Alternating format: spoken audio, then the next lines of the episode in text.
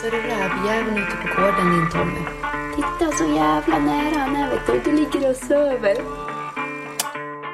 Ja. Ska, nu när vi ska prata om björnjakt ska vi prata om eh, vad vi gjorde häromdagen. Va? Ska vi prata om, ja vad fan är helgen här som var när vi åkte till Jönsele och klev upp klockan två. Eh, 02.00 typ. Ja, vad ska vi säga om det då? Ja, vi var i Jönsele bara för att vi tror ju att, alltså nu har ju, ja det var ju Petrus och nu har ju han två björnhundar riktigt, alltså det, ja, det vart inte godkända men det vart de, eh, hon har ju varit det förut. Jo, Nu var det väl, ja, ja, det Alltså- var ju bara för träning. ja det var bara liksom för att Hon tycker det är kul att skälla vi tror ju liksom inte att nu har vi en fjär, fjär, färdig björnhund så, men vi vet ju också att det skälls i det, i det vilda också och det är ju bara för att det är roligt.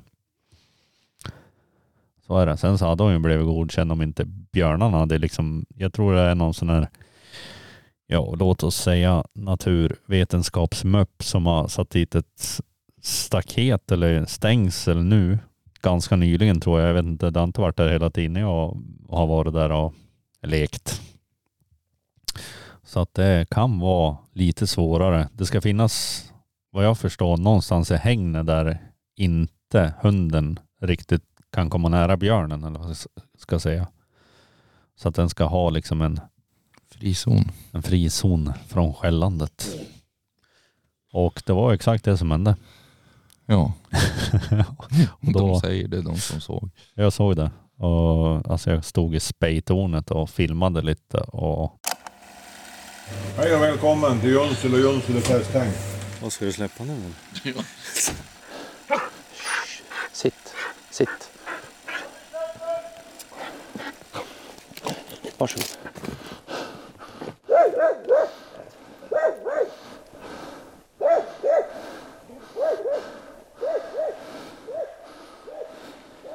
Jag Bra, ger mig bra, bra. Men nu är det slut. Nu är det slut.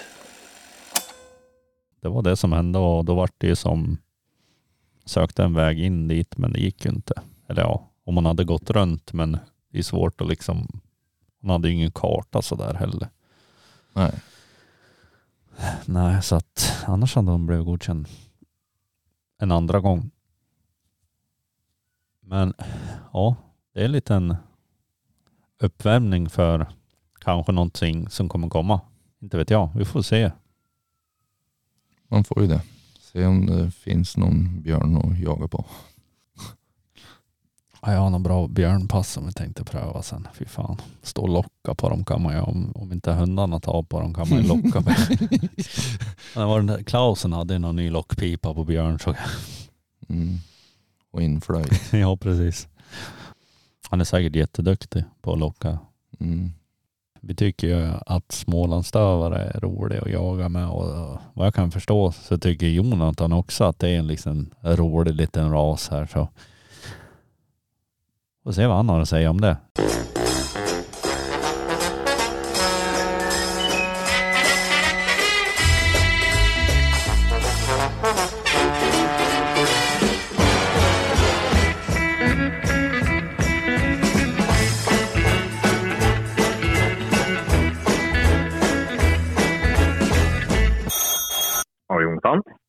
Ja, hej Jonathan. Det här var Rovdjurspodden eh, med mig Tommy och Petrus. Hallå. Tjena. Hej.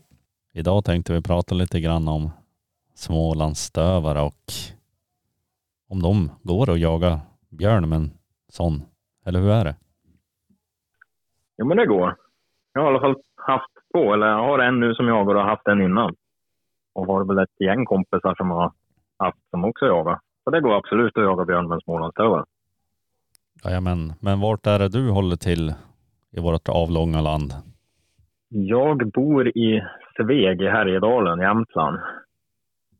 Och är väl här omkring jag jagar mest. Men jag flänger väl runt lite, speciellt under björnjakten. Så är jag väl inne i Västernorrland, och jag är i Gävleborg och Jämtland framför allt. Ja, precis. Men finns det nå mycket björn där det sveg eller hur är det? Det har väl gått lite upp och ner tycker jag. Eh, som det ser ut just nu så tycker jag det verkar väldigt bra med björn. Eh, vi har haft några år här där det har varit lite sämre och vi har haft hårda avskjutningar.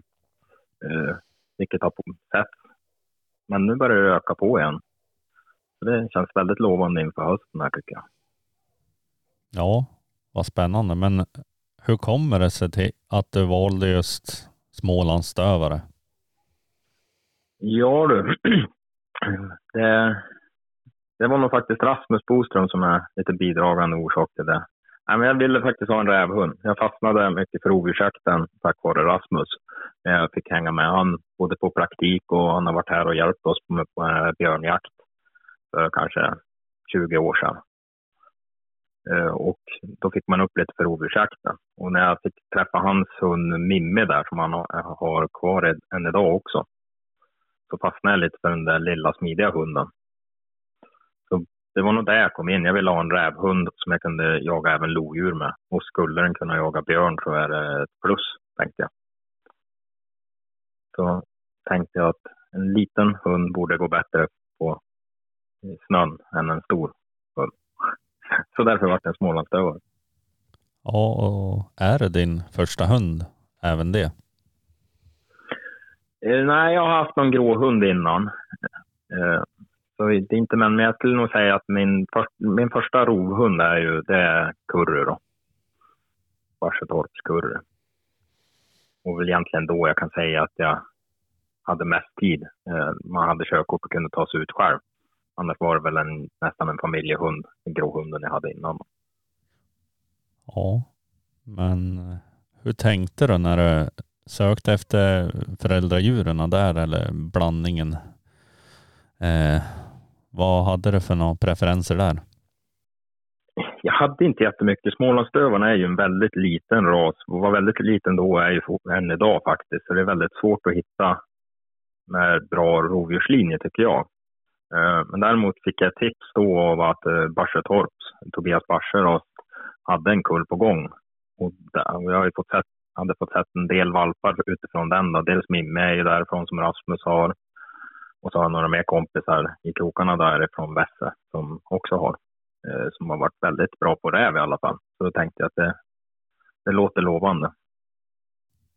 Hur var vägen där med Curry här som du kanske kallar något annat, eller hur var det? Ja, jag kallar han Chip utifall jag byter namn här. Jag kallar han Chip, men Curry var stamtalsnamnet. Eh, ja, han tyckte jag gick bra från första början. Eller liksom det, det, otroligt mycket jaktlust i han. Eh, han började jaga tidigt. Jag kommer inte ihåg, jag tror vi sköt första drevräven när han var sex månader. Men vi hade ju lite kockjakter innan det när han var fyra, fem månader också. Men första drevräven fick vi vid sex månader. Och sen utvecklades det väl ganska kraftigt rakt uppåt. Jag tyckte han tog för sig mer och tog äldre spår och klarade av och krångliga situationer. Tappar bra, liksom börjar ringa bra. Rik, men stadigt uppåt tyckte jag. Hur har du tänkt i injagningen då? Liksom, släppte du mycket på eh, matplatser eller har du någon speciell tanke där?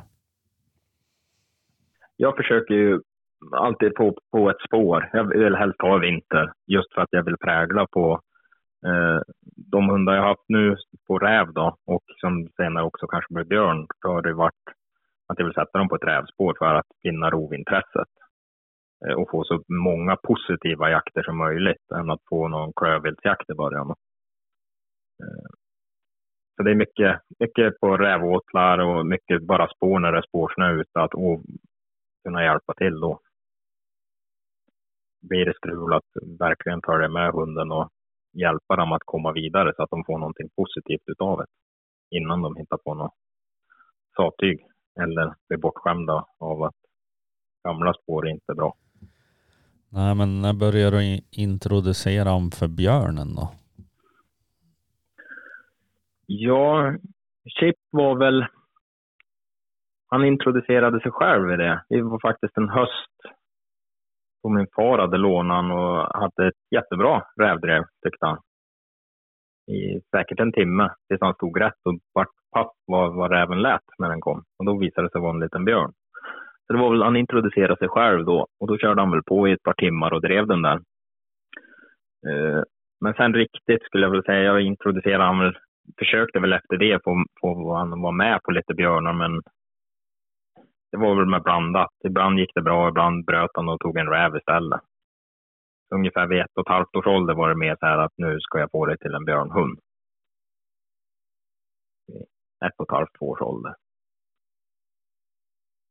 Så tyckte han ändå hade mognat på i, i, alltså i psyket. Liksom han var en, blivit mer mogen i eh, sätt du var som en hund och arbeta med vilt och räv och allt. Ja, men har du torrtränat mycket så kallat på björn då eller?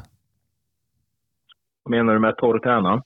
Släppa utan att skjut, kunna skjuta? Oh ja, jag försöker nyttja det jag har gjort på eh, de hundar jag har haft på björn. Det är verkligen att maxa säsongen. Det gäller väl även lodjur, men jag tycker att skjuta är inte det viktigaste faktiskt. Eh, inte på de stövare som jag har haft. Så många av dem, både chip och så den smålandsstövaren jag har nu, då, Ross, eh, de tycker ju oftast inte det är lika kul när det är skjutet. Då är det inte lika intressant. Utan de har tyckt att det är roligt när det, när det är jakt. Rev eller ståndskall. Så jag har försökt faktiskt nyttja säsongen fram till 15 oktober eh, varje år för att maxa allt. Då. Så mycket torrträning kan jag säga, det, det blir det. Ja. Men eh, hur har liksom, om vi säger Chip här, har mött han någon elak björn och sånt här och hur hanterar han det i sådana fall? Jo, men han fick väl vara med på några elaka. Eh, han är väl lite som, jag kanske tycker nordiska stövare överlag är. Alltså han, eh, han var inte jätteskadebenägen, eh, Chip.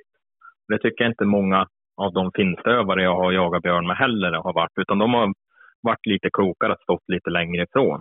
Eh, så jag tycker inte han har haft några jätteproblem med de elaka då han inte har blivit skadad. Men har väl ändå vågat på och skällt på dem. Det blev betydligt bättre. Jag skulle vilja säga att eh, i fyra, fyra fem års åldern, då var det liksom, då kunde jag ändå kalla honom att han var en björnhund. Men eh, för då kunde han stå självständigt med de här elaka björnarna också och skälla. När, när vart han liksom en, så att han kunde stå liksom, du sa att han drev ju ändå den där björnen ensam, men vad, men vad hände från början när den, den där björnen stannade för första gången? Och vad, hur, hur gick det till liksom? Med Chip var det mycket att han, eh, han jagade på, kunde spåra upp och stå och skälla ett ståndskall i ungefär 10-15 minuter. Sen bröt han och tog bakspåret tillbaka. Eh, sen kom han, och så kunde man putta på honom igen och då sprang han tillbaka och så skällde han i 5-10 minuter. Och sen kom han tillbaka igen bakspåret. Och det där fick jag väl arbeta med. Många gånger så hade man ju någon mer hund med som man släppte på och så fick man ju gå runt och då stannade han. Men sen arbetade jag mycket, egentligen ett helt år med, eh, en hel höst med att bara gå och möta upp honom och pusha honom att han skulle vara kvar längre. Att, att man, som att man är på väg in på ståndskallet jämt då. Jag skulle vilja säga att det var så jag fick honom att börja stanna. Till sist. Att få honom att förstå att man är på väg in. Så bara stå kvar så kommer man. Avkomman här då, hur har den starten varit? Det tycker jag har varit lite mer en, en krokig väg. Både från, eh, speciellt på räv. Eh, han har jagat ganska tidigt också. Började väl ungefär samma ålder och skjuta någon drevräv vid, vid halvåret där och gick eh, väl ganska bra tyckte jag. Men sen vart det en dipp där han inte ville göra någonting. Eh, liksom han jagade och kunde bara tvärbyta och ta, ta ett rådjur och börja springa iväg bara.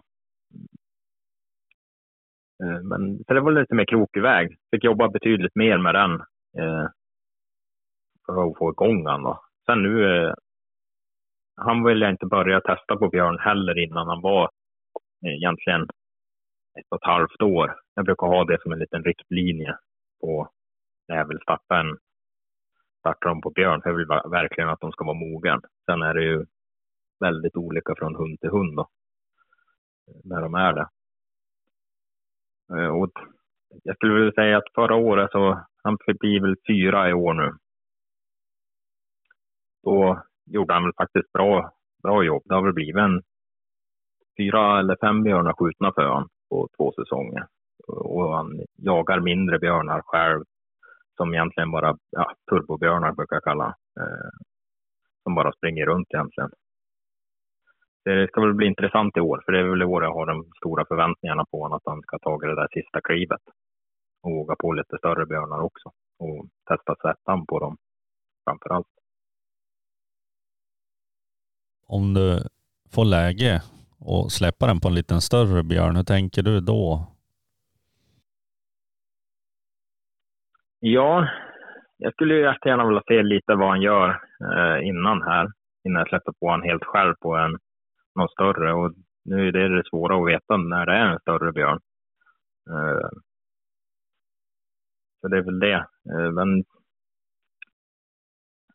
jag vet inte om man har blivit något klokare. Tycker jag man ska försöka nyttja alla situationer som möjligt. Sen kommer jag nog ta det ganska lugnt. Så att är han inte mogen så kommer jag inte försöka pressa honom till att mata på honom på stora elaka björnar hela tiden, utan då får han mogna in i det istället. Ja, men du säger att eh, det finns några Smålandsstövare runt det. Vilka är det mer du tänker då på förutom Mimmi då? Eh, Bröderna Falk har jag haft, eh, som har väl varit en också visat att det går att jaga björn med Smålandsstövare. Det var- Det var också en inspirationskälla. Sen är det ju Tobias Barse, eh, har ju haft som man har jagat björn med. Och eh, Thomas Bäck där nere också och Emil. Ja, men det finns lite runt om tycker jag som, som jagar. Men mycket är ju samma linje med Barsetorps då. Om man ska köpa liksom en björnhund, är det, är det fullgott att använda en Smålandsstövare tycker du? Eller eh, helst om man är kanske intresserad av rävjakten också? Eller är det liksom plotthund man ska ha? Inte om du vill ha en hund som du kan jaga länge med tycker jag. Alltså eh, räv och lodjur också. Eh, Ska du bara jaga björn, då skulle jag välja plott. Eh, Men skulle skulle jag vilja jaga både räv och lodjur och björn, då skulle jag nog satsa på en nordisk stövare istället. Antingen en finstövare eller smålandsstövare. Och där tror jag inte att det spelar jättestor stor roll. Jag tror att det finns lite större utbud på finstövare med bra rovdjurslinjer än vad det kanske gör på smålandsstövare. Då. Hur upplever du fördelen med en Smålandsstövare kontra en finstövare då? tycker inte att det är någon jättestörre skillnad, inte på björn. Eh, vintertid har jag väl sett, nu har jag haft ganska stora eh, chip och en ganska stor och tung smålandsstövare, så han fick jag inte den där drömsmålandsstövaren som skulle flyta uppe på snön som jag har sett Mimmi gjort då, kontra en finstövare i dåliga förhållanden. Men det är väl det som jag har sett, att en, har du en liten Smålandsstövare så kan du få ett bättre flyt när det är det här extremt lösa snön. Att de kan faktiskt gå uppe på. Så det är nog den fördelen jag skulle se i det. Annars tycker jag de är ganska lika i det, i det med de jag har jagat med. Både finstövare och Smålandsstövare. Dina Smålandsstövare, hur har de varit i, liksom har de varit lösskällda eller hårdskällda? Hur, hur har de varit i det? Nej, men de har väl varit rätt hårdskällda hårdskälld tycker jag. Sen med åldern har de blivit lite lösare. Eh, jag tycker, jag tycker inte det har varit något större problem. Det finns för och nackdelar med allt, så är det. Men, men relativt hårdskälld tidig ålder eh, och blivit lösare. Eh, och ser jag på björn så har de varit betydligt mer hård själv. Eh, på båda de jag har då. Så man har väl hört ganska tydligt vad det är för vilt de jagar. Jag har kunnat läsa av båda ganska bra på bara skall och, skallet och höra. Men det du liksom har eh, haft, om man ska säga svårast med, eller hur man ska uttrycka det då, det är att få dem stövare att stå kvar, alltså stånda. Ja, Det, det är liksom det som är, man får jobba mest med om man ska uttrycka det så. Ja, jag tror att en del har nog det. Men På mina så var det, var det det. Och jag tror inte att de var rädda. Jag vet inte om jag skämde bort dem egentligen. I och med att jag alltid haft flotthundar samtidigt också. Eh, Så att jag har ju släppt mycket två och två. Eh, Och när man kör själv då så blir det en, en ren kontrast för dem om de är van att ha en till som står bredvid.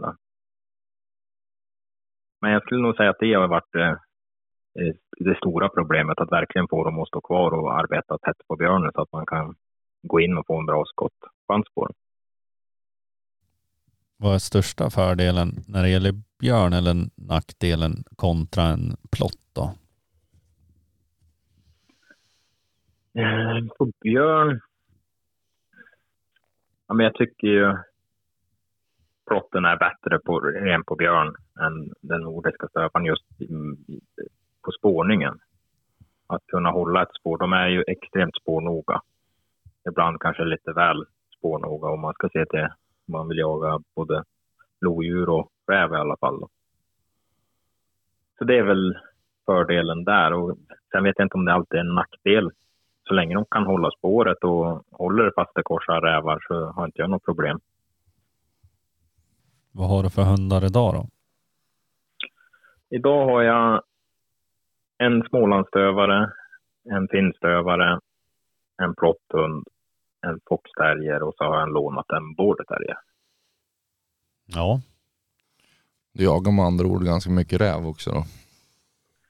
Jag skulle vilja säga att det är det primära som jag jagar faktiskt och tycker är egentligen roligast också. Det är nog rävjakten. En väldigt lång säsong på det. Jo, jag håller med där. Det är väl det som är det primära man jagar. Det andra är bara en bonus. Ja, men det är faktiskt lite så. Det är ju svårare. Det är... Rävar finns det alltid. Eh, Lodjur är ju liksom, det är inte alltid. Här, här omkring har det varit väldigt bra. Sista åren har det varit lite sämre, vilket gör det ju betydligt svårare. Om man ska ha en ren lodjurshund eller olika björnhund så krävs det ju mycket jaktmarker också. Så nej, men rävjakten har jag fastnat extremt mycket för. Sen är det bonus om de vill jaga björn eller lodjur också. Jo, sen kan man ju åka precis vart som helst i landet och jaga räv också om det är dåligt. Precis, man är inte lika begränsad på, på föret och på året. Liksom. Exakt. men eh, med en smålandsstövare, hur tar du an ett, om vi säger ett färskt björnspår då? Hur gör du då då? Jag går nästan alltid med alla hundar går jag och försöker banda. Eh, dels för att lugna ner dem lite. Oftast är de ju eh, ganska exalterade till en början. När de, för de vet ju vad ett pejlhalsband är. Sätter man på det så brukar de veta vad, det, vad som gäller. Så bara få lugna ner dem lite och sen att de verkligen tar spåret. Eh, klockrent liksom, eller liksom att jag vet att de har spåret i näsan och kommer varvat ner lite. Sen brukar jag bara släppa och det brukar, då ska de veta vad de ska göra. Det är som att jaga en räv eller, eller lodjur egentligen annars. Ja, det där med att lugna ner dem, det har väl lite att göra med antar jag att det är början, ja egentligen första dagen på säsongen antar jag ofta. Precis, Precis. det är ju det. De brukar vara- ganska vilda och veta, veta vad de vill. Ibland nästan mycket. Jag har testat lätt någon gång och ibland blir det bara tok tycker jag. Då får man liksom ta och börja om och gå och banda och slå ringar tills det verkligen hittar spåret igen. Så att de har ju sprungit runt och jollrar runt för mycket bara av ren glädje känns det som. Men i vanliga fall så är det två hundar som släpps då eller eh, till att början en eller hur fungerar det? Det beror på lite. Eh, nu slutar jag kört mycket en. Förr körde jag två, men det har varit lite vad för hundar. Och eh, vilken ålder de är. Och, eh, förr har jag haft eh, en äldre plottik som jag fick ta bort där för någon månad sedan. Då. Eh, hon har ju funkat, så då har jag alltid försökt kört med ung hund. Så då har jag släppt på för att få möjlighet att unghundarna ska få växa in i rollen som björnhundar.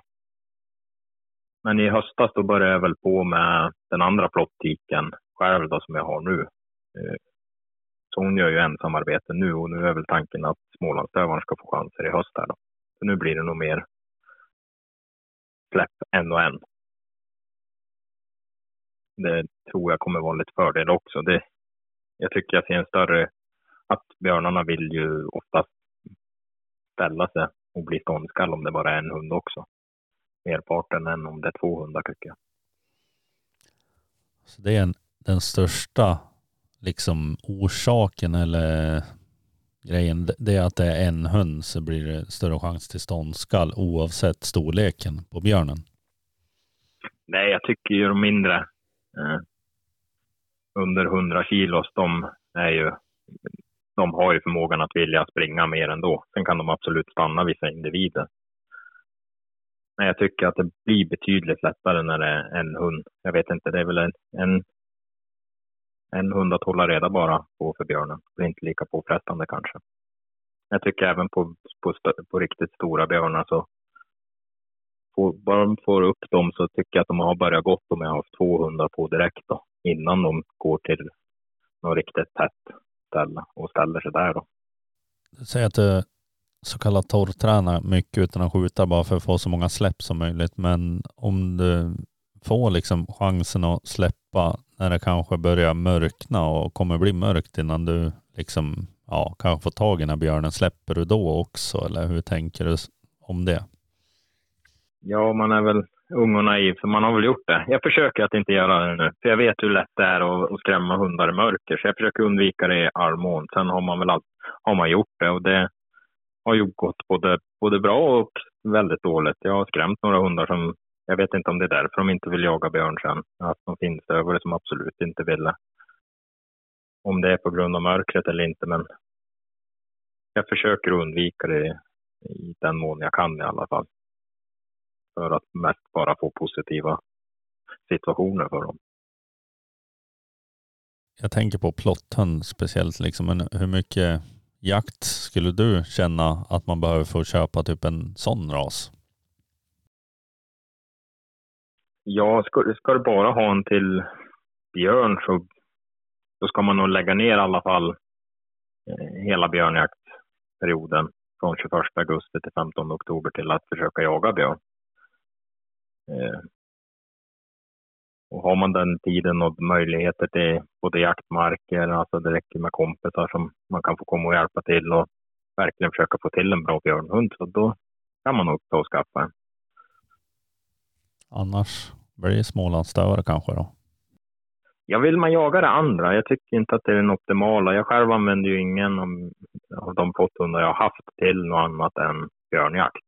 Och det är mest för att jag vill ha en renodlad björnhund. Att när jag går ut den 21 augusti, då vill jag inte ha ett rävdrev. Eh, vilket jag kan acceptera när jag släpper Smålandsstövaren.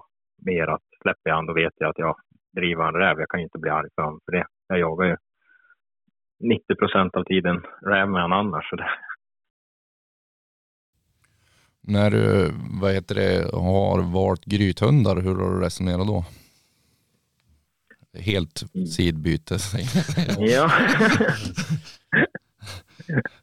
ja, jag har inte tänkt jättemycket. Jag ska inte säga att jag är den absolut bästa grytjägaren. Det finns många som är jätteduktiga, utan jag har haft en tysk terrier innan som egentligen var min första, eh, som jag tog över. Det var en väldigt feg tysk terrier. Eh, eh, misslyckades kanske med hälften av grytorna. Till slut var han riktigt bra, men väldigt skadad också många gånger tyvärr. Då.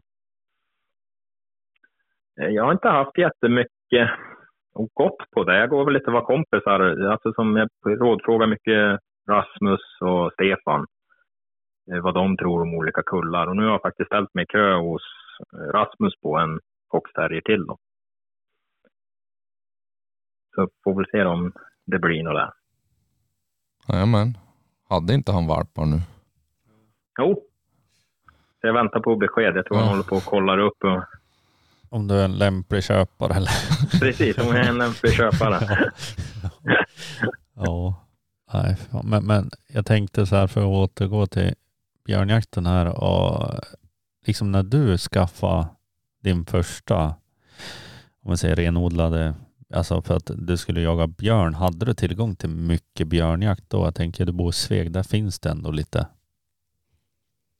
Jo, men det hade jag. För jag kände att jag hade förutsättningarna för att eh, skaffa en renodlad björnhund. Så det, det tycker jag att jag har haft. Och haft väldigt mycket flyt liksom. Att det är många som... Det har ju fått uppsving väldigt i slutet. När jag började så var det inte jättemånga som hade björnhundar heller, vilket gjorde att man vart ju inringd på många ställen. Vilket underlättade ju när man ska få till en bra hund. Nej men liksom att torrträna, jag, jag pratade, vi pratade lite grann med eh, Stefan och han liksom, han hade alltså misslyckats lite för att han hade liksom släppt och de blev skrämd. Så han, hans take på det här injagningsmomentet var ju lite grann att släppa och en gång och bara se den här hunden tar verkligen på björn och sen så släpper du liksom nu kan du skjuta och då släpper du nästa gång om du förstår. Mm. Men du har liksom jag är inte helt inne. Jag tycker att eh, jag vill inte nöjaga en hund så att den jagar slut. Det har jag nog förstört någon hund också på. Att man släpper på för många liksom. Bara utan att det blir positivt. Men så länge jag ser att en hund tycker att det är kul och att det är en positiv händelse, då, då fortsätter jag ju släppa på säsong så länge säsongen gäller. Då. Så då tror jag att det bara bara positivt att de stärks i varje situation.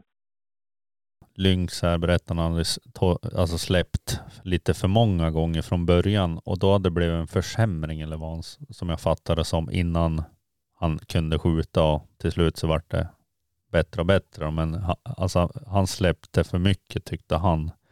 Så han liksom... Ja, men det kan nog stämma. Ser man att hunden inte tycker alltså att det blir något positivt av det och man fortsätter att släppa då, då kan det nog bli lite sämre och då är det nog bättre att ställa hunden och sen får de mogna på sig lite till och sen tar man ett nytag på det. Så det kan jag nog hålla med om. Men så länge man har något positivt och man vet att de jagar bra och står kvar där, så då, då tror jag inte att det är något negativt att fortsätta dagen efter med ytterligare en björnjakt. Nej, det är ju inte så lång säsong så det är ju bara Nej, det är ju faktiskt det. Jag försöker maxa. Har man möjlighet då gäller det att passa på. Sen är det lång väntan till nästa år. Sen är ju du yngre också. Det kanske är lite tröttsammare. Stefan här. Eller så är han mer vis kanske. jag jagar ju mycket med han så det... Jo, jag vet. Jag försöker rådge, eller rådfråga han mycket också. Jo. Ja, han har säkert haft någon erfarenhet liksom som säger att det finns kanske mer att vinna av att göra så här. Men samtidigt som du säger, säsongen är också jävligt kort och det är kanske jävligt roligt att se hunden liksom tycker, fan det här tycker han är svinkul och det tycker jag också liksom. Och varför inte fortsätta med det då liksom? Mm. Ja men absolut är det så. Nej, man, man lär så länge man lever och ja, det är roligt. Ja, men det är det och det är kul att utbyta erfarenheter. Så är det med alla man jagar med egentligen. Jag tycker man lär sig något nytt varje gång man är ute och jagar. Så det, det är väl det som är charmen med jakten också tycker jag. Man blir aldrig fullärd. Nej, så är det absolut. Men din mest minnesvärda jaktdag här på björn med en smålandsstövare som en del av upplevelsen? Men då skulle det nog vara eh, Chips första björn då, som, som jag fick skjuta också. Så det var faktiskt tack vare en kompis som fick punktering. Annars skulle han fått släppt sin hund. Så då fick jag möjlighet att släppa med, eller släppa två hundar då. En plotthund Rex då, som är, eh, var kullbror till Blaser. Som jag hade då. Eh, så jag släppte han och så Smålandsdövaren Chip. Och det vad kan de ha spårat? Kanske fem kilometer innan de tog upp björnen och hade passerat passlinjen. Och jag och min bror vi gick upp och satte oss på en, ett hygge och kollade på pejlen. och såg att det vände tillbaka när de hade fått upp det. Så vi gick i gångstånd och rakt mot en postare och tänkte att det här. Så att jag kollade pejlen och räknade ner att nu bör det smälla. Men det gjorde det inte. Och så gick det vidare mot nästa linje och vart likadant där. Fast där tvärvinklade den som att den kände av postan och gick parallellt med vägen och så upp. Men då gick vi och mötte in i, mot det där då. Så det slutade väl med att jag kom ikapp det där till slut och det var en ganska stor björn. Så jag vart lite chockad själv och såg vilken respekt både plotthunden och Smålandsdövaren hade. Det var väldigt roligt att se hur en, när en stor björn bara går sakta och inger väldigt stor respekt. Varje gång han bara vände sig så hoppade smålandsstövaren tror jag, tio meter bak innan han insåg att den jagade han inte. Jag skulle nog säga att det är den mest minnesvärda, för jag gick parallellt med det där ståndkallet, kanske på 20 meter håll i, i en gallring. Och den björnen skett fullständigt i mig och ja, jag tyckte bara, när hundarna var, vart för nära, då bara stannade den upp och kollade på dem och då backade de. Så det, det är nog den mest minnesvärda, att få skjuta första björn då och en sån stor björn på 260 kilo vägde den. Ja, vart, vart var det här då? Eh, Söder om Sveg. Det var på hemmamarkerna här. Jag förstår väl Tommy att han kan ju inte ha gått på 20 meters håll och sett någonting i Västernorrland. Nej, så tätt här. Jag har varit där och jagat också. Det. Då ska man vara glad om man kan se två eller en meter framför. Ja, ibland så är det nog en meter är, är, är relativt nog långt. gräns. Ja, men, oh, ja, men det håller jag med om faktiskt. Det, det var riktigt tacksamt där. Det är fördelen med Härjedalen och Tallsandskogen. Nej, men jag kan tänka mig glädjen man känner när man känner att eh, ja, jag lyckades. Skottet tog där, inte i något träd och hunden fick kanske lugga den där björnen han hade lite respekt för innan. Ja, men oh, och verkligen få något, få något positivt av någon, något som ger så stor respekt tyckte jag. Och sen att det var hans första var ju väl, jag själv vart ju helt överlycklig. Att få dels få möjligheten, för på starten så var det tänkt att jag och en kompis skulle ta varsin hund och då var, hade jag tänkt att jag skulle använda plotten. Men han fick punktering och ringde och sa att nej men släpp båda dina hundar. Jag åker och tar ett postställe istället sen ja, när jag kommer ikapp. Så det, jag tror han ångrar sig lite sen. Ja, jo. Jag hade gärna väntat men Det vart ett fint björnskinn där på väggen eller i vardagsrumsgolvet kanske. ja, jag tror att det ligger på golvet nu. Lite osäker men. Ja. Det, det har så många menar du? Ja, jag har ett gäng i alla fall. Ja, precis. Men många, om man får fråga, hur många är det fält för Smålandsdövare När du har haft eller har? Oj, jättebra fråga.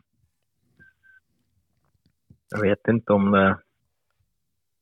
Det vart ju inte jättemånga för chip heller, men det kanske vart en, mellan 10 och 15 skjutna för han. när levde. Och jag var uppe i 4-5 på Smålandsdövaren här. Ja, Så någon...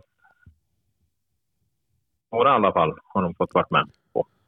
Det börjar bli rätt vanligt med Smålandstövarna på rovjakt och man ser fler och fler använder dem på björn också. Så det är ju, jag tycker det är väldigt kul att vi faktiskt satsar på, det är väl egentligen rovdjurslinjerna som jag är intresserad av, men att det även fungerar på björn och visa att det finns folk som brinner för det och lägger ner tiden på det. jag pratade lite grann med bröderna Falk här och de sa ju liksom att eh, det lät ju som att alla de hade haft, liksom alla hade ju liksom jagat björn på ett eller annat sätt. Alltså det, det verkar ju vara en alljagande ras. Alltså så är det. Men det, jag tycker det är lite nordiska stövarna generellt, ja. Eh, de- De ska ju bara ha jaktlust egentligen och det tycker jag de har. Och sen får man ju styra lite vad man vill och försöka få de här positiva upplevelserna utifrån det. Men jag har, inte, jag har inte haft något problem att inte få de rovdjursintresserade i alla fall av de två som jag har haft. Det känns som att det har funnits där bak i huvudet någonstans. Du har inte varit med om någon farlig situation som har hänt med någon björn som har liksom varit lite arg på dig? Och... Nej, jag har faktiskt klarat mig skonsamt ifrån det. Man är väl hårmåner ifrån varje gång, tänker jag säga, man går in och på, dels på ett ståndskall på, dels på träningar och, men även under jakt. Jag har aldrig fått någon som har varit riktigt nära. Jag, mer hundsituationer som har varit farliga tycker jag. Eh, att vid påskjutningar att hundar större risk att kunna dels bli skjuten, eh, bli skjuten om man är flera som är inne på ett ståndskall. Men inget att jag själv har blivit. Jag har haft björnar in på mig men jag har inte känt någon, att det är mig de är efter. Jag har haft en björn som har sprungit kanske någon halv meter ifrån mig. Och nej, inte någon. Inga hårrysande än. Peppar peppar, så heter det. Det är liksom, oftast är det hunden de jagar när det kommer så nära antar jag. Ja, men det är faktiskt så. Och det är väl faktiskt mycket man har lärt sig av de som har jagat mycket också. Att, eh, vi ser ju på Rasmus alla filmer och hur han beskriver och att kommer en björn så är det ju oftast hundarna de jagar och det är inte du som är det primära målet. Däremot skjuter du och den är på väg emot det och du inte träffar klockrent, så då tror jag du kan bli det primära målet för den. Så det är väl det jag försöker tänka. Jag inte skjuter på dem eller det är nog oftast inte det stora, stora faran för dem. Utan hellre släppa förbi och skjuta efteråt. Så jag hinner med ett skott till. Än att bara hinna ett skott och sen bli björnmat. Det är inte så roligt, men Chip här var, han blev inte så gammal som han borde. Vad var det som hände om du vill berätta? Nej, precis. Han var väl sju år. Var väl i sina bästa år tyckte jag. Utan eh, vi skulle gå jaktprov på björn med han.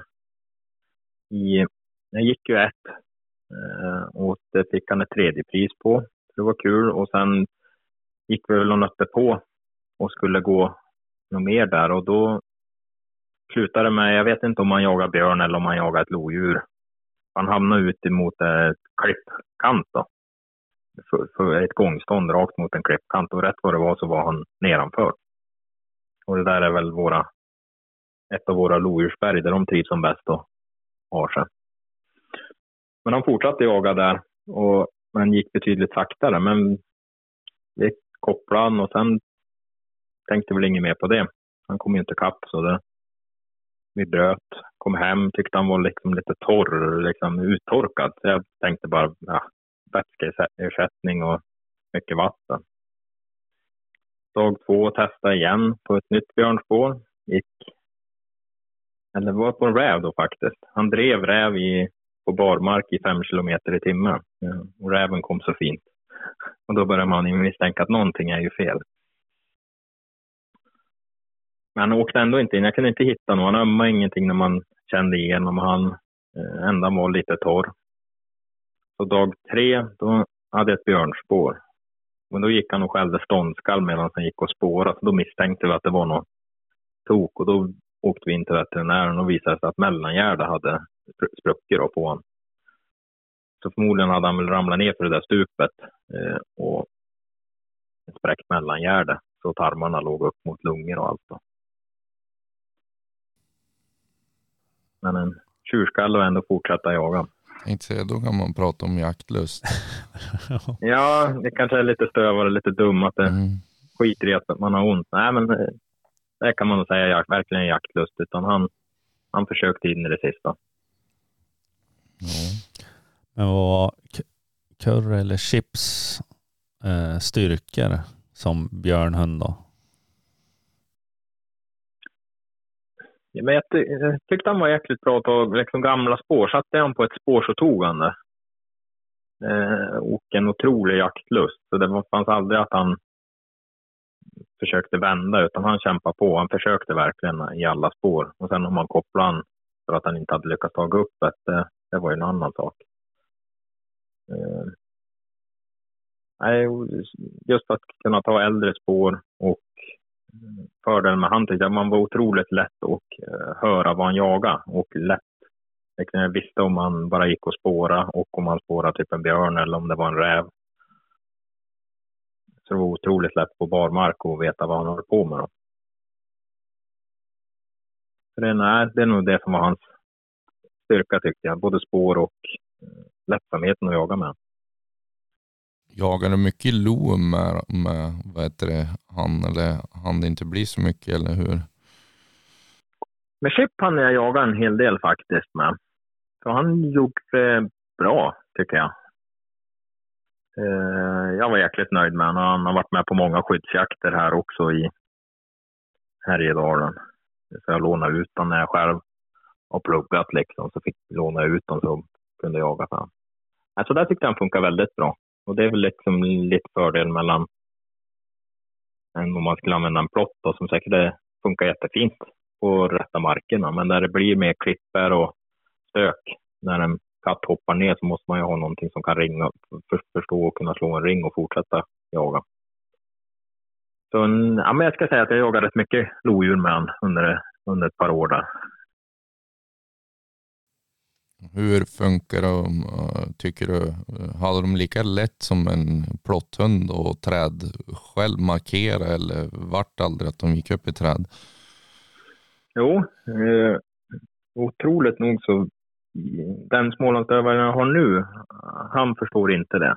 Han, det blir som, ja man ser att han stannar av och försöker leta och sen bryter han och börjar jaga något annat. Men Chip, han, han var faktiskt bra på och markerat rätt träd till och med också. Var väldigt duktig på det. Eh, ingenting jag tränar på eller någonting. Jag, jag vet inte hur han fick det. Men han gillar mårdjakt också. Så det var så jag märkte att han var extremt duktig, för där kunde han markera vilket träd det var. Och det, ofta satt det ju en mård där uppe. Så gick man fram dit så gick man runt tillräckligt många gånger så hittade man på. Ja, precis. Han hade förstått att de kunde inte bara försvinna ner under backen utan upp i skyn också. Ja, men jag tror att det var det är säkert från mårdjakten jag fick han till att markera bra på lodjursjakt också i trän. Eh, och ingenting jag som sagt tränar på utan det var nog, man måste nog bara ha sett att de kommer så pass nära en mård att de såg att den klättrade upp. Kanske kolla på Garmin GPSen. Syns inte de så still där, träd liksom. Precis. ja. Bra teorier. Och jag måste komma med något smart. Nej men det, är- det, så lär det ju kunna vara att de, för det har jag ju varit med om någon rysk fläckig stövare som hon såg att mården klättrade upp i trädet. Sen så var det som att det bara, ja det funkar bara sen. Ja, men så måste det ha varit med han, för ingenting jag övar på. Den jag har nu och lika finstövaren, det, det, det finns inte. Där just nu då, ska jag säga. Det är väl kanske tvärvänder lika fort där. Det kanske är lite flyt där också. Man måste ha lite tur med hundarna. Så är det för att kanske få de här egenskaperna som man vill ha.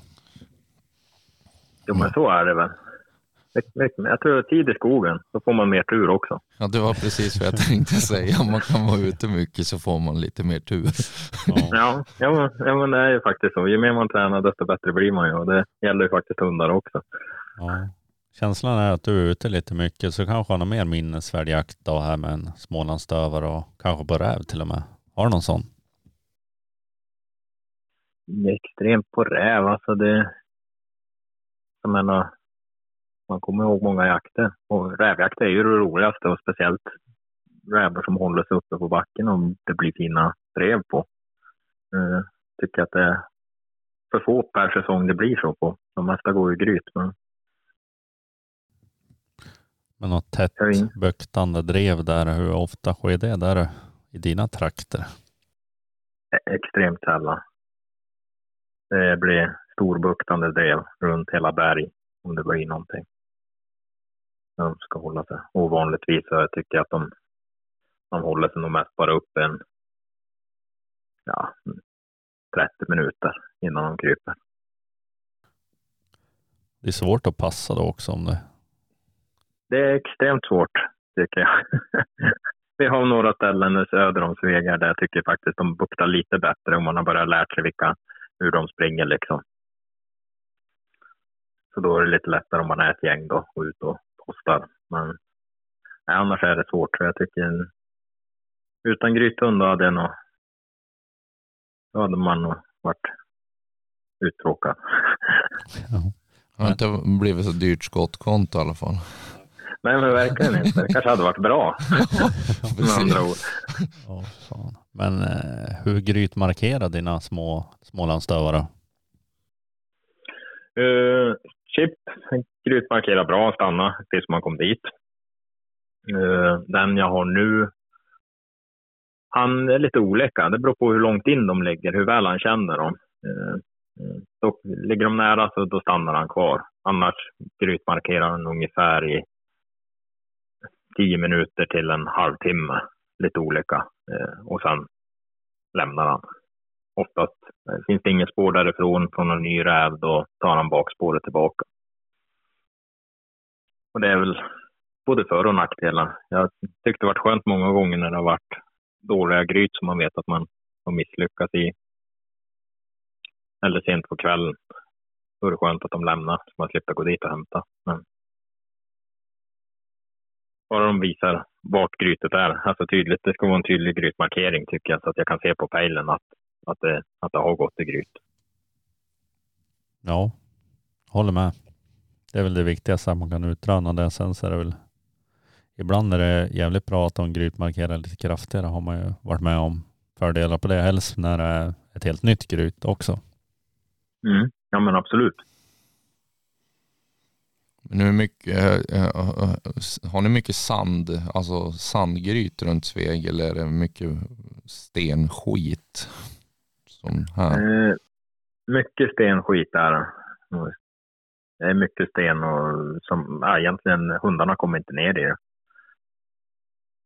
Och en del har fått, kommer de ner så kommer de inte upp alla gånger. Så då, det är det stora projekt på det hela istället. Eh, men vi har väl, jag brukar säga söder om Sveg, där har jag mycket sten. Norr om Sveg så har jag mer, då har jag lite sandgryt faktiskt. Betydligt finare gryt. Ja, precis. Så jag har lite av bägge, bägge, bägge men mest sten. Jo, och det är den de, de brukar välja om det finns två olika val. Så. det känns som det. De vet vilka som är jävliga Ja. och där man misslyckas mest. Ja, exakt. Ja, men eh, jag tänkte sen när det gäller björnjakt då, vilken är den bästa hunden du har jagat med? Oj, svår fråga. Det finns ju så många bra hundar och bra på olika vis. Jag skulle nog... Det är nog Blaser som är som jag jagar mycket med. Jag har ändå jagat en hel del med honom i och med att han är så extremt tydlig på att ta gamla spår och tydligt markera och ta upp. Eh. Sen var det en hund i Kanada eh, som heter Coat Cream, då också en plotthund. Som jag har varit sjukt imponerad över. Jag har ju varit där två gånger och jag och den, den det var en riktigt bra hund också med egenskaper att dels vill han inte jaga med så många hundar. Så vart han ifrånsprungen av en annan hund då släppte han och tog upp en egen björn istället. Men otroligt på att ta bra gamla spår också. Spårnoga. En tuff hund. Eh, på gränsen till för tuff ibland då. Så han åkte på lite däng men Det kanske var en bra brunbjörnshund då, eller är det skillnad på de där svarta och bruna björnarna? Jo, men så är det. Jo, men det, det är skillnad. Eh, och där tror jag verkligen, vi är flera som var över där som har, har varit där en hel del hos Steve då som har velat köpa den där. Men för att vi tror att det där hade varit en optimal hund i Sverige då för brunbjörnarna. Men han ville inte släppa den. Med all rätt. För det var en värdefull hund för han också att kunna jaga in unghundar där. Men det, det är skillnad tycker jag. Det, det är mer respekt i, i jag skulle nästan kunna säga liksom jämföra med en grizzly, en brunbjörn då. Och där, där har man svartbjörn och grizzlybjörnarna och grizzlybjörnarna är mer på backen och elakare. Svartbjörnarna är inte på samma vis, det träar ofta. Beroende på storlek också, eller, inte, eller även om det är storbjörn så träar den. Men generellt snällare tycker jag, svartbjörnar. Hade du med dig egna hundar dit eller hur? vilket syfte var det där? Eh, Jag var där och jobbade och hjälpte Steve Eh, under två perioder av två år. Eh, så Jag var väl där tre månader i stöten. Eh, Och jag hade inte med någon egen hund dit då. Däremot har jag haft den eh, tiken jag har nu då, så skickade jag över min far med henne då. Den flottik jag har när hon var nio månader. Eh, Hon och så Rasmus har ju kullbror eh, Bull då. Så de var över en vår och jagade in. Men sen har jag haft med mig Rasmus hundar när jag varit där och Lars Mattsson från Dalarna. Och jagat in lite svenska hundar där i Kanada. Hur är det att jaga där? Jag tänker att det är väl vildmark. Alltså släpper man hund kanske man aldrig ser honom mer. Det finns väl mycket väglöst, eller hur är det? Ja, det är mycket, det är mycket väglöst, men det finns vägar också. Och det, vi använder ju pejlar på dem där också. Så att vi, vi fick igen alla hundar. Sen var det långa promenader ibland, absolut. Och eh, hemsk terräng ibland. Det är inte samma skogsskötsel som i, i Sverige. Mycket vindfällen och skadedrabbat så det låg mycket. Mycket, mycket klättring för att ta sig fram ibland. Och Det finns i svenska skogar Och i också. Västernorrland. Ja. Ni har allt extremt hör jag. ja. Ja, jag jobbar med att planera i skogen så det är därav sarkasmen. Nej men liksom resan där till, eh, jag tänker, var det värt det? Alltså, var det roligt? Jag tänker väl om man jobbar hos han, då får man väl kanske inte betalt eller jag vet inte hur det är. Man får någon soppa eller något sånt där. jag fick ju resan betald och hade ju inga kostnader när jag var där. Så mm, på, på sätt och vis betalt av den anledningen då. Eh, och för mig var det en upplevelse. Jag ville lära mig mer, dels om plotthundar och björnjakt. Och Steve har ju hållit på otroligt länge. Det är väl närmare 70 år nu med, med, med sin kennel, med Ursus-linjerna. Då. Och av den delen tycker jag var väldigt lärorikt att kunna se avelsarbetet, hur han tänker och men även just björnjakten. Eh, jag fick ju otroligt mängd att se olika hundar. Jag tror vi hade 35 stycken hundar med uppe på jaktkampen då. Och det var väl närmare 50-60 han hade totalt när jag var där. Man fick ju se mycket hundar och lära sig olika individer och olika, hur de arbetar egentligen. Så eh, för mig var det värt det att åka över tycker jag. Båda gångerna har varit otroligt roligt och en upplevelse. Ja, du fick en bild vad du ville ha för plotthund där då eller? Jo, men det tycker jag väl. Eh, sen det blir det är ju helt annorlunda i Sverige och en annat beteende på björnarna. Men du, eh, är man där länge och kan få jaga och se så tyckte jag att jag kunde... Jag vet ungefär hur jag vill ha för typ av plotthund. Om man ska säga det, säga det så då. Det- Sen, sen om det är från Kanada just, men jag tror att det har väl en viss bidragande orsak att man har nog bra koll. För att där fick man se otroligt många hundar och olika arbetssätt på dem. Man har ju hört mycket om det här cold nose. En sån slags hund liksom. Eh, alltså vad är det? Alltså hur eh, en dålig plotthund kontra en bra kallnosig liksom är det helt, alltså vad har de för preferenser på en kallnosig? Jag vet inte, vi pratade, hade inte så mycket i de termerna, men det märks ju ganska tydligt vilka som kan ta äldre spår. Och speciellt om man släpper ut ett i, säg sju hundar, varav en klarar av att ta spåret. Eh, sen är det ju svårt att veta ålder på, på spåren. Det är väl det jag tycker är det svåra när vi var där, att veta hur färskt det var. Eh, och då fick man mycket göra. Man visste vilka hundar som ändå jagade björn, men kom inte vidare på trassliga spår. Då var det nog lite äldre, medan det var de här elithundarna som alltid klarade. Och då märkte man ju att de hade nog lite bättre snok. Ja, men hur många ungefär liksom om det var 20 eller vad sa det 36 hundar sa det. Nej jag kommer inte ihåg men eh, hur många av dem var det som tog de svåra spåren då liksom? Var det en ganska stor del eller? När man släppte, han släppte ungefär mellan sju och tio hundar. Eh, Och då är, då är det ungefär två, tre erfarna hundar. Eh, Oftast två. Och resten är ju unghundar som har, ja, säg från nio månader upp till ett och ett halvt år då. Som håller på att ska jagas in. Är det en ganska stor del som faller bort ganska fort eller? inte ganska fort. Han, eh, han har ju hållit på med det så länge. Jag, när man har så många så uppfattade jag, jag tyckte att jag sållade ut många direkt. Liksom. Den där kommer inte bli någonting. Medan han med erfarenhet bara gav dem tiden. att Då fick de stå ett tag eller fick bara mer chanser. Och i slutet av säsongen, efter tre månader där, då visade det sig att den hunden hade ju gått och blivit skitbra. Sen, ja, man lärde sig mycket där också, att inte ge, ge upp liksom, den här envisheten och ge dem möjligheter till det. Och vä- växa in i rollen.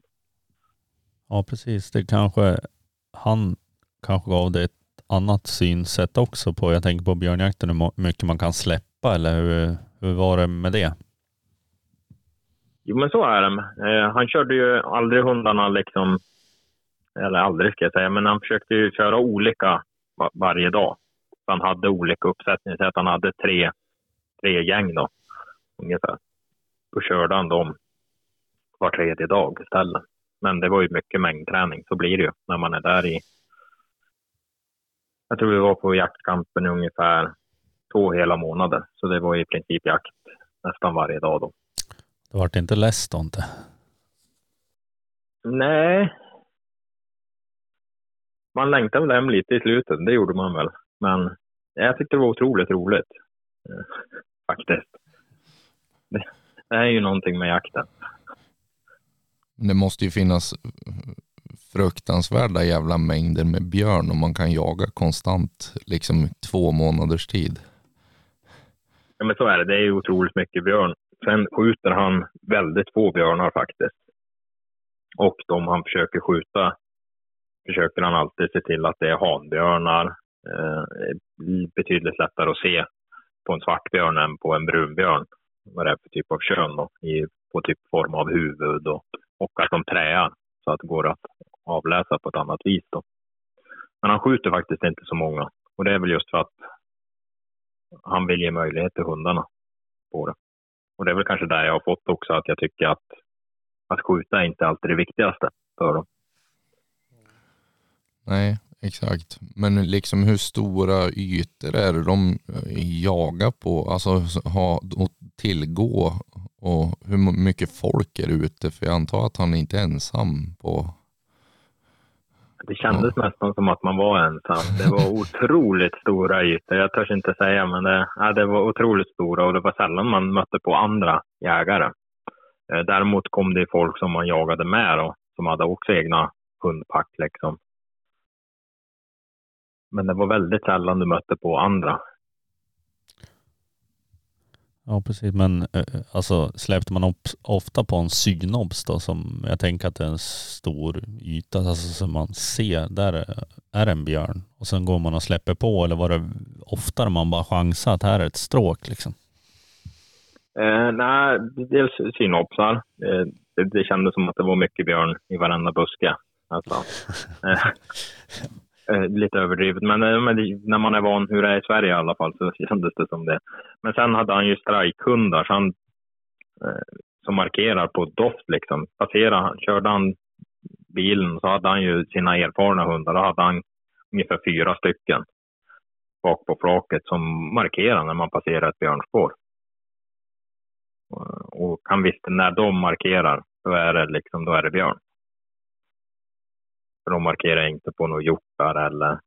Man märkte ju medan unghundarna kunde ju skälla titt som tätt och tro att de skulle få komma lös. Men skällde inte de där erfarna, då, då var det nog ingenting att släppa på.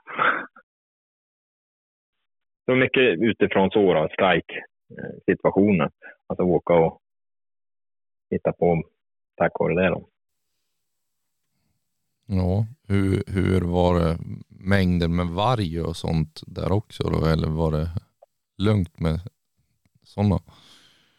Ja, men där vi var så fanns det en hel del varg faktiskt. Jag såg några stycken. Eh, sen törs jag inte säga om det var jättemycket för det. De hade mycket vinterjakt på varg där med, med snara om jag förstod det rätt. Och på någon, någon ranchägare som höll i det där då. Men eh, nej, jag törs inte säga om det var mycket. Vi upplevde det inte som ett problem när vi jagade. Nej, sen kanske det inte blir problem när man har sådana alltså, mängder med hundar lös heller. Jag vet inte. Nej, eller ett, ett år hade vi faktiskt när jag var där sista gången och då var, var det faktiskt en hund som vart vargtagen. Eh, men då var det, jag tror det var två hundar som bara var själva efter. Och då vart den biten, den överlevde faktiskt. Vi, vi fick bära ut hunden men var totalt söndertuggad då. Eh, så vi fick åka till veterinär med den. Men det, det, är, det är enda gången och det tror vi var att de, de sprang bara in på, på en eller två vargar som inte tyckte det var något kul. Nej, precis. Nej, men vad är största, nu när du har upplevt att jaga i packs, vad är största liksom fördelen med att kunna få göra det? Kontra här i Sverige då? Jag tycker egentligen inte att det är någon större fördel att kunna släppa jättemånga. Visst, det är en fördel att kunna släppa unghundar som kan få växa in i rollen. Skulle man kunna släppa två erfarna hundar på en lite elakare björn så skulle du nog kunna ha en ung hund med också som kan få växa in. Men jag tycker det är snarare bara svårare i eh, som i Sverige att det ska få att stå bra samt att du ska få ett bra skottillfälle på björn. Jag tycker nog optimala är ju ändå en eller två hundar för att kunna få en bra skottsekvens eller vad man ska säga. Men var det den liksom största grejen eller som du eh, liksom hajade när det var där över andra sidan pölen där? Eh, det här har jag lärt mig. Vad, vad var det för något? Ja du, det var en jäkla bra fråga. Det var ju som en otrolig upplevelse bara komma till ett annat land. Eh, och jaktkulturen, hur man jagar. Man jagar ju på ett helt annat sätt. Du får inte jaga mycket, Eh, du får inte jaga med hund på till exempel sjövilt där. En annan är helt orimligt som är uppvuxen med älgjakt och rådjursjakt och allt vad det är. Utan det var bara rovdjur när du fick jaga med hund, vilket gjorde att kom det någon som såg att man hade hundar så tittade de ju och frågade innan de insåg att man var jaga björn. Då. Eh, men i övrigt, det är mycket intryck. Man lärde sig otroligt mycket från resan, så är det. Och speciellt på hundfront skulle jag säga. Ja. Men det är liksom plotthund som är number one när det gäller björnjakten ändå då? Ja, för mig är det det i alla fall. Eh, sen tror jag inte att det, det är själva rasen som spelar någon eh, större roll. Jag har jagat med jättebra jämthundar som funkar jättebra. Finstövare, Smålandsstövare. Alltså, nej, du ska ha en bra hund med otroligt bra jaktlust. Sen spelar det nog ingen större roll vad det är. De gör ju samma typ av jobb, en, en spets som en stövare också tycker jag. Ja, spetsens fördel är väl just kanske ståndarbete. Sen är det väl spårningen som är, kan bli lite annorlunda. Precis, men så är det. det är, jag kan ju tycka att det är betydligt roligare att gå in på en, ett en spets. Det, det, det, är ju ett helt annat arbete. Både skallmatta och, och de arbetar mer aktivt. Jo, det är ju det de tycker är roligt. Det, Precis. Jag, jag håller väl med där. Men det går ju att få till bra, bra spårningar med spetsar också. Så det, det är nog bara vad man, hur man utformar sin hund skulle jag tro. Och absolut lite avelsarbete också på att han vill, gå och spåra en björn. Men om du skulle ha valt en spetsras, om vi säger så, eh, vad hade du valt då? Till björn då? Det har jag ju redan sagt. Jämtön? Ja. Ja, men jag, jag tror faktiskt jag hade eh, satsat på en jämthund då. Det tror jag. Och du tog väl över Rasmus där ett tag, eller hur var det? Precis, jag hade Donna sista åren. Och det är ju en otroligt duktig hon på björn. Jag har haft, fått jaga otroligt mycket, men jag sköt min första björn för henne också faktiskt. Så det var, det var kul att få avsluta också med henne. Ja, det är som roligt att prata lite jakt och det, det är liksom, det är ju snart dags också så att man, man eh, står ju som en, ja inte vet jag, en ettrig terrier eller stövare som precis har fått sin mat och Jo, man känner sig faktiskt lite så. Man bara står och studsar nu och väntar att kan det inte bli 21 nu? ja precis det som, alltså som man går till hundgården där och går och håller i pejlen så här. Lite så känns det. Ja. Men vad gör du den 21 augusti då? Pyschar du på några rådjur eller vad gör du? Ja, då kommer jag nog stå startredo med hundarna. Får släppa på någon björn hoppas jag. Ja, ja man får hoppas det. Men vi har några snabba frågor här också. som eh, Jajamän. innan vi skiljs åt här. Eh, som är, krävs ett litet kortare svar kanske. Ja. Nej men om, om vi säger generellt Smålandsstövare eller plotten. Det beror på vad man ska, ska jaga, tänkte jag säga. Men Säg smålandsstövare, då är rävjakten så nära. Ja. Eh, hårdskälld eller lösskälld? Ja, hårdskälld. Eh, 9 och 3 eller 6,5? 9 och 3. Rävjakt utan terrier eller utan stövare? Eh, utan terrier. Eh, drilling eller bock? Bock. Björn eller rävjakt? Uh, rävjakt. Eh, vad tar du bänkpress? Oj jäklar. Det går inte på gymmet. Men Nej, man borde väl orka två smålandsstövare kanske. ja. ja. ja, precis. Ingen plotten orkar man kanske med. De är lite större. Nej, de är lite större då. Där går gränsen. Jo. ja, men tack som fan för att du ville vara med och prata lite eh, Smålandsstövare och björnjakt och Kanadaresor här och allt möjligt. Ja, men det var jättekul. Tack själv. Så hoppas att vi ses i någon lingon ris där. Ja, men detsamma. Ni får ha det bra. Men detsamma. Ja. Tack som fan Hej. att du ville vara med. Hej.